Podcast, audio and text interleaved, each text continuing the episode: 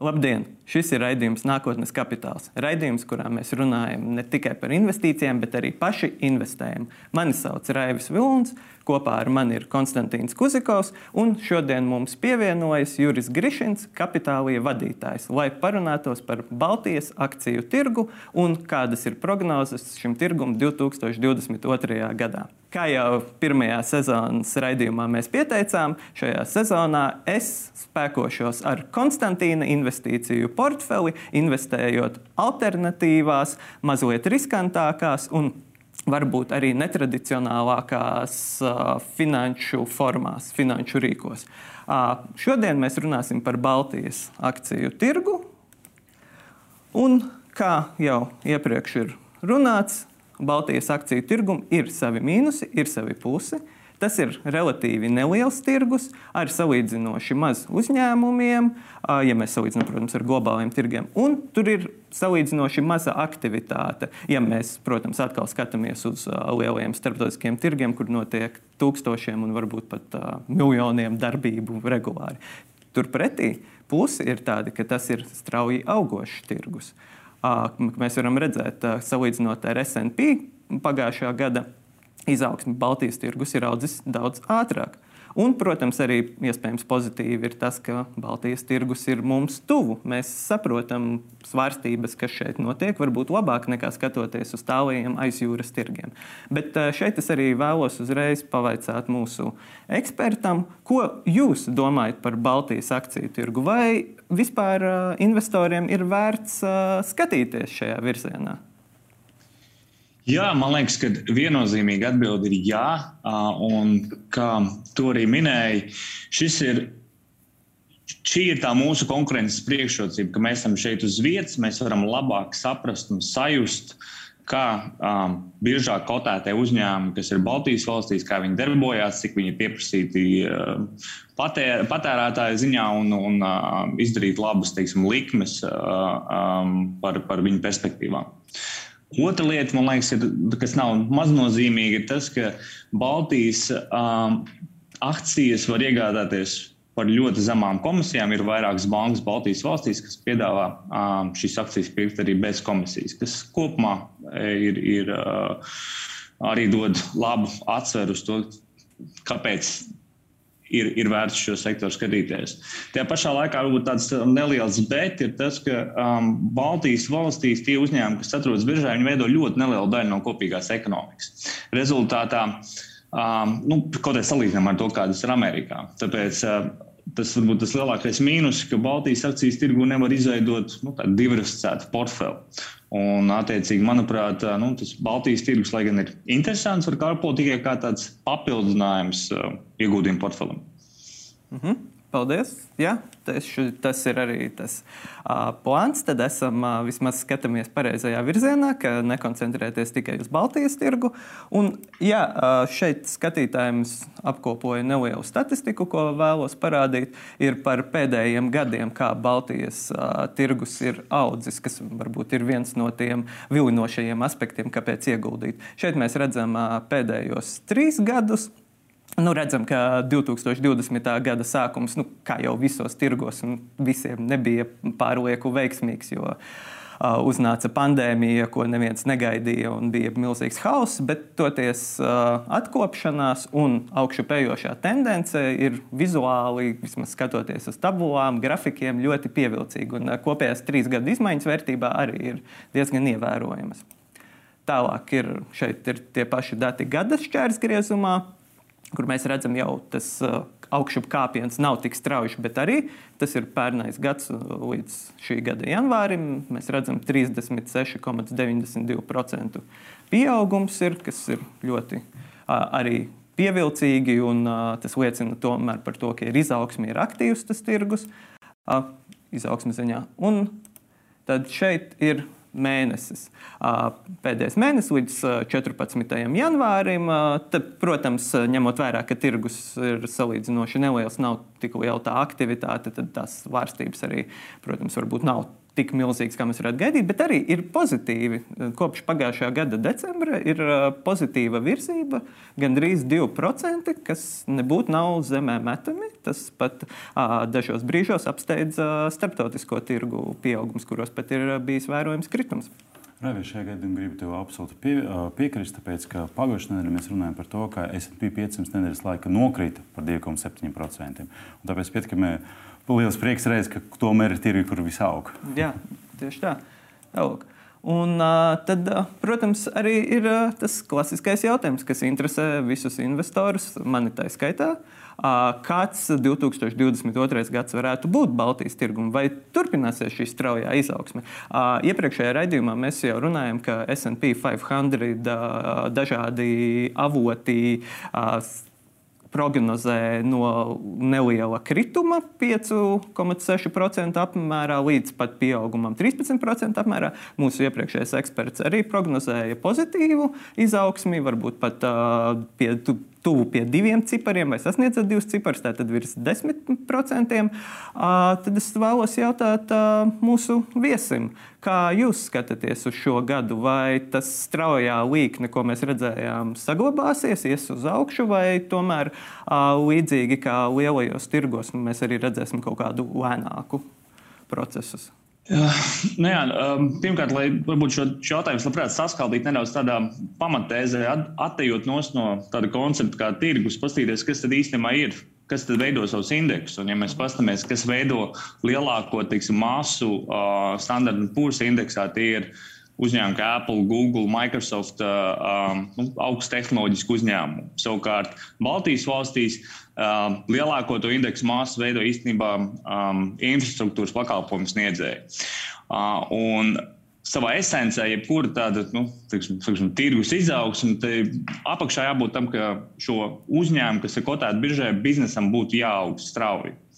Uh, un, uh, ja mēs skatāmies piemēram pa pagājušo gadu, tad, manuprāt, tas ir tas, kur mēs varam redzēt, ka Es, es saprotu, kāpēc standarta pūža tehnoloģiskie uzņēmumi aug, aug pandēmijas laikā ar 20-30% apmēru, bet es neredzu, kāpēc. Lai, tas arī parādās rādītājos, ka ne Tallinas Vesija, kas ir Tallinas ūdens apgādes uzņēmums, ne Lietuvas Latvijas energo analogs, viņi nav spējīgi augt ar tādām, tādiem apmēriem. Un šeit bija šī, manuprāt, Baltijas valstu tirgus, fondu biržu tirgus atdalījās no, no uzņēmuma izaugsmas realitātes. Tāpēc uh, kopumā, lai gan man liekas, ka uh, Baltijas valstis ir, ir uh, ilgtermiņā interesants ieguldījums un tāds pievilcīgs avots. Man liekas, ka Baltijas valsts ir laba perspektīva, augsts straujāk nekā pasaules vidēja ekonomika. Bet, lai mēs varētu um, nu, tiksim, vairāk sapņot lielāku izaugsmu, tajā biržā jāparādās vairāk tehnoloģiskiem uzņēmumiem, uh, kas, kas uh, arī biznesā spēj katru gadu no gada audzē 20-30%. Man liekas, pašreizējā kompozīcijā tas īsti nav iespējams. Skaidrs, tātad uz uh, straujām spekulācijām Baltijas tirgū diez vai mēs varam cerēt un uh, nopelnīt savu pirmo miljonu investējot Baltijā. Tas nebūs tik viegli, vismaz ne īstermiņā. Uh, jā, uh, jūs jau šeit uh, gan pieskārāties nedaudz šim jautājumam, bet uh, tomēr kas ir varbūt uh, tās lietas, kurus vajadzētu ņemt uh, vērā, domājot, nu, ja, piemēram, uh, tā kā es arī šī raidījuma ietvaros vēlos investēt Baltijas tirgu, kas ir tie kaut kādi pieturpunkti, tie jautājumi, par kuriem būtu vērts domāt, uh, kuros virzienos skatīties? Um, nu, pirmkārt, um, ja mēs redzam, ka um, um, no Baltijas valstīm Igaunija ir tā, kurā ir sauksim, vislielākā aktivitāte. Attiecīgi, visvairāk tiek pirktas un pārdotas dažādas akcijas. Uh, Manuprāt, tas, tas pat par sevi tā liela aktivitāte neko nenozīmē, jo nu, ieguldot tiksim, tūkstošus katrā uzņēmumā, gan īsi katrā Baltijas valsts uzņēmumā, birž, biržā kotētā Baltijas valsts uzņēmumā, šādā apmērā tirdzniecība katru dienu notiek. Attiecīgi, nu, ir vērts pārliecināties, ka, piemēram, ja iegūtu 1000 eiro, tad biržā katru dienu darījumu vismaz par 1000 eiro noteikti, bet pārējais aktivitātes ziņā neko, man liekas, tāda liela nozīme nav. Bet kas man liekas, ir skaidri izzīmējis pēdējos gados, kad um, ir Igaunijas, tieši lokāli Igaunijas tirgu naudas masa fonda biržā ieplūdusi ļoti lielā apmērā, nu, daudz straujāk nekā tas ir Lietuvā un, Igaunijā, Lietuvā un Latvijā. Un rezultātā man šķiet, ka tieši Igaunija ir tā, kur, kuram teiksim, investoram tagad būtu īpaši jāuzmanās, jo tur ir ļoti tāds, teikt, izteikts burbuļu pazīmes, kur valda uh, alkatība vairāk nekā bailes. Ja? Un, un tā, tā, nav, tā nav laba situācija, kurā sākt ieguldīt šajā tirgu. Un tā arī vēsturiski ir, ir um, bijis redzams, ka līdzīgi uzņēmumi Latvijā, Lietuvā un Igaunijā, ja viņi ir kotēti biržā, tad Igaunijā tas uzņēmums parasti ir dārgāks. Nav daudz tādu salīdzinājumu uzņēmumu, piemēram, banku jomā. Var paskatīties, ir nu, LHV, Kobanka, Igaunijā, un, un tas pats jau ļauj uh, Lietuvā, kuras katra no savām īpatnībām, bet kopumā strādā apmēram līdzīgās, līdzīgās jomās, bet arī ļoti savādāk novērtētas. Bet vai tas nozīmē, ka ilgtermiņā mēs redzam to, ka Latvijas un Lietuvas uzņēmumi, kas strādā tādā pat sektora kā Igauni, viņiem principā ir lielāks potenciāls? Tāpēc, ka Igauni tagad ir ļoti daudz un pārvērtēts, un Igauni investori pēc kāda laika pāries uz Latviju un Lietuvu, un faktiski tāda veida pacels pārējais valstīs uzņēmuma vērtības? Jā, nu es gribētu teikt, ka Igaunijā tagad ir ieplūdus daudz jaunas, jaunas naudas, gan no, um, um, gan no pensiju plāna reformas, gan varbūt arī tā ieguldījuma kultūra tur ir bijusi ilgāk audzēta un, un attīstīta. Un vai nu tie būs Igaunijas investori, kas kā, sāk skatīties pārējām Baltijas valstīm, vienkārši vai Lietuvas un Latvijas um, investēšanas paradumu un kultūra popularizēsies un kļūs nu, aktīvāka. Un rezultātā, man liekas, tad, tikšim, ilgākā laika posmā tās, tās cenas Baltijas valsts biržās vienā, līdzīgiem uzņēmumiem izlīdzināsies. Es, es noteikti teiktu, ka laikam, Latvija un Lietuva ir tiksim, ilgtermiņa skatu punktā perspektīvā uzmanības tirgus nekā Igaunija šajā konkrētajā brīdī.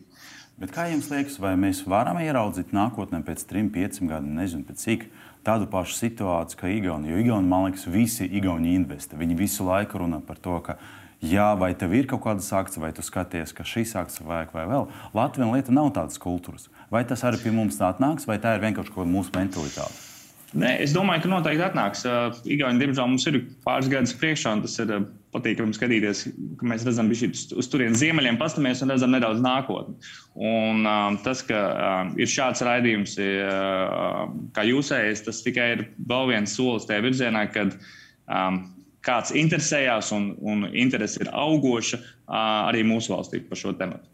Vai, jā, tad, protams, arī runājot par nākotni, par investīcijām šogad un varbūt arī ilgtermiņā, jo nu, skaidrs, ka īstermiņā, kā jau jūs minējāt, būtiski mēs Latvijā un vispār Baltijā ne, neatradīsim savus pirmos miljonus investējot. Bet vai ir kādi sektori, uz kuriem būtu vērts šogad paskatīties, jo, kā, kā jūs minējat, ka ir, mums ir vairāk pakalpojumu sniedzēji, mazāk tomēr tās tehnoloģijas tehnoloģijas, bet varbūt ir kaut kādi tie sektori, uz kuriem skatīties. Jo mm, starptautiski, starptautiskajos tirgos šogad top kā, nu, ieteikumi ir uh, enerģija, telekomunikācijas, veselība un, nu, protams, tās tehnoloģijas. Lai gan, kā mēs iepriekšējā raidījumā runājām, tas tehnoloģijas šogad un uz priekšu ir tāds mazliet riskantāks ieguldījums ar iespējams mazāku atdevi. Bet vai te ir kaut kādas paralēlas, ko mēs varētu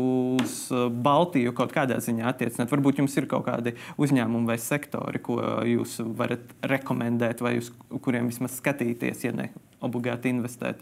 Jā, nu, droši vien veiksmīgs investors pēc savas uh, būtības ir tas, kurš nu, sekmīgi spēj paredzēt nākotnē, kā attīstās nākotnes ekonomika. Tas, laikam, ļoti viegli pateikt, ļoti grūti izpildīt. Um, bet uh, nu, būtībā tas ir tas, tas galvenais, kur, kur virziens, kurā būtu jādomā, ja es iegādātos kādu uzņēmumu akcijas tagad, kā šim uzņēmumam varētu iet pēc desmit gadiem. Un vismaz ziņā, tā ir viennozīmīga tā perspektīva, kurā es iesaku privātiem investoriem domāt tieši tādā ilgtermiņā, pirkt tikai to, ko ir gatavs turēt ļoti ilgi. Un, uh, katram noteikti var būt savs redzējums, bet nu, tiksim, tāds vispār pieņemtais uh, uh, nu, tas, tendences, kas, kas, kas jau uh, gan vēsturiski izpildās, gan, gan droši vien turpināsies arī nākotnē, ir zaļā enerģija, um, veselība, tehnoloģijas. Um, problēma, protams, ļoti bieži ir tāda, ka uzņēmumi šajā nomatas jomā jau ir augsti novērtēti tagad. Attiecīgi, tās nav nekādas revolucionāri jaunas tendences, par kurām nu, kāds tikko uzzinājis. Ja?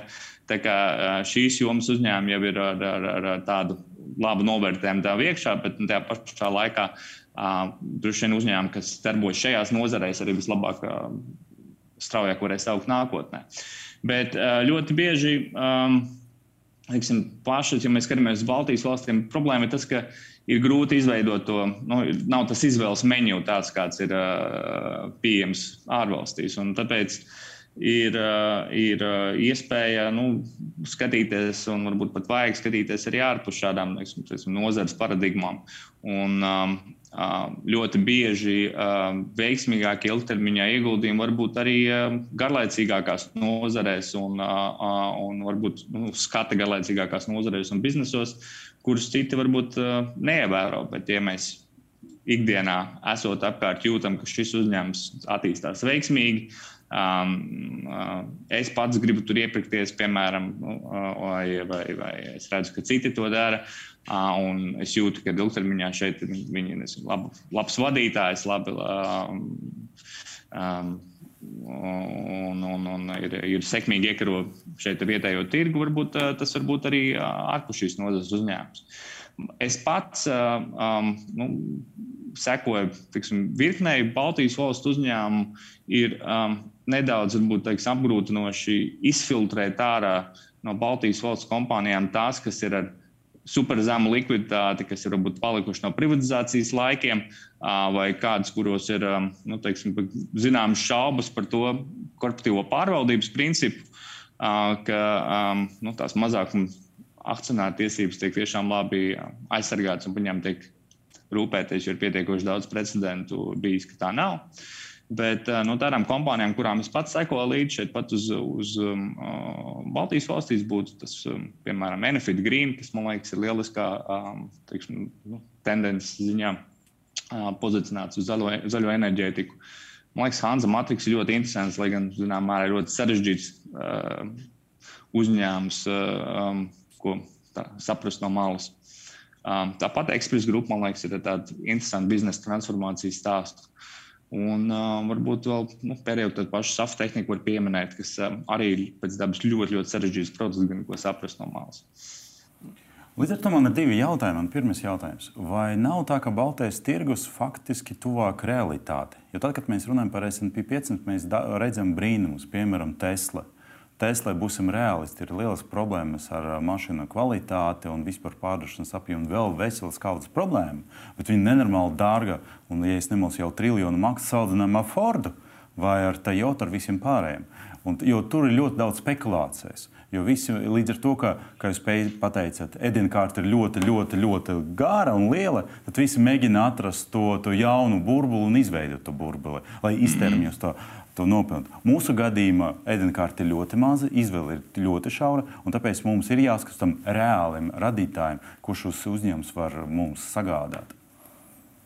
Jā, es eh, viennozīmīgi piekrītu. Un, uh, ir tā, saka, tā skaistā priekšrocība, ka mēs tos uzņēmumus varam sajust ikdienā mm. uh, un, un saprast, kā viņiem varbūt um, um, ies nākotnē, pirms vēl finanšu rādītāju publicēšanas. Ja. Nu, nākamais jautājums šajā gadījumā, atkal par to runājot, par atkal to edinkārti. Kā jums liekas, ot, es fokusēju tikai uz SP 500? Raivis teica, ka nē, tur ļoti zemes ienesīgums var dabūt vairāk. Ot, uh, man bija šaubas par Baltijas tirgu. Šaubas bija tādas, ka man liekas, ka, nu, okay, ja es sākšu investēt tik daudz, tad man būs problēmas ar to, kā es dabūšu naudu atpakaļ. Bet jūsu ieteikums uh, jūsu klientiem, Kāds ir ideāla proporcija Baltijas tirgu pret uh, SP 5 un visu pārējo pasauli? Nu, jā, mēs runājam tikai par akcijiem. Protams, tas diezgan individuāli jāskatās bet, uh, no, no katra situācijas un mērķiem. Un, uh, bet, mm -hmm. um, Manuprāt, Baltijas valstīs ir tieši tā lielākā problēma, ka dēļ um, ar diversifikācijas trūkumu. Tāpēc tas var būt tikai kā maza papildus klāsē kopējiem akciju ieguldījumiem.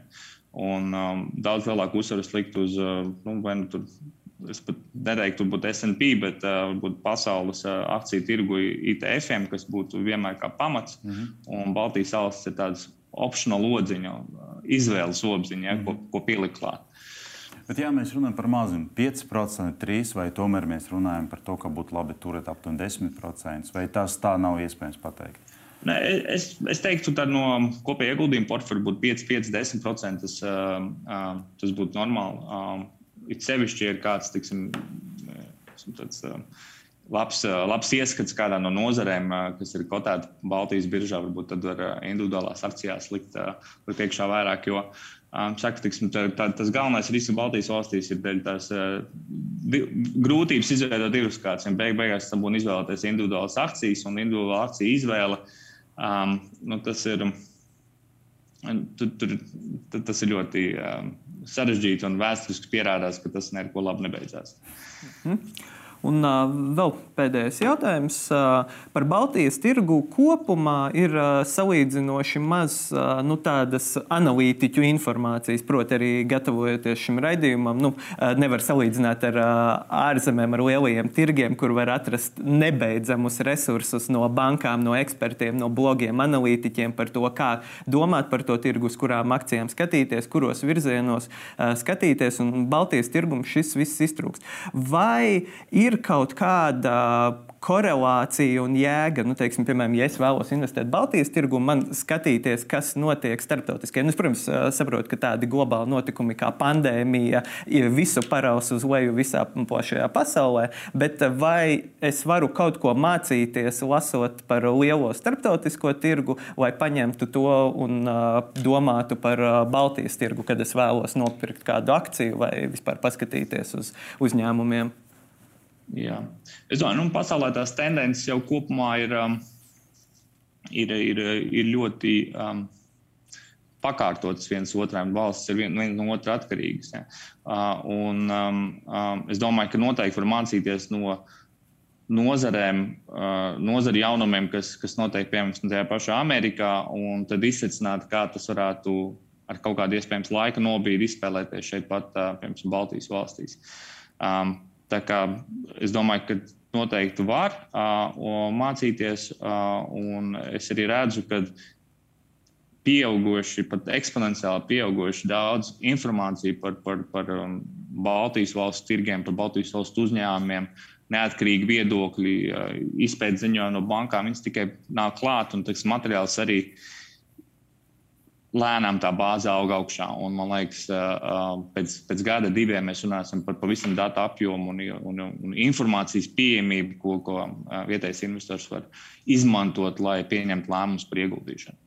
Tur ir ļoti pozitīva tendence šajā ziņā, un noteikti ārvalstu, nu, tiksim, ārvalstu ziņu sekošana līdz um, um, tikai paaugstinās teiksim, kaut kādu sapratnes dziļumu. Mm -hmm. Jā, paldies par. Uh pieslēgšanos raidījumam, par padalīšanos ar informāciju un zināšanām par Baltijas tirgu. Un, cerēsim, jā, ka piepildās gan pozitīvās izaugsmas prognozes, gan arī visas informācijas pieaugsmas, gan arī tas, ka tad attiecīgi arī vairāk investori un iespējams, ka arī uzņēmumiem būs daudz interesantāk atrasties Baltijas tirgu. Un, jā, cerams, ka pēc pāris gadiem mēs jau redzēsim vēl daudz lielāku aktivitāti un daudz aizraujošāku tirgu.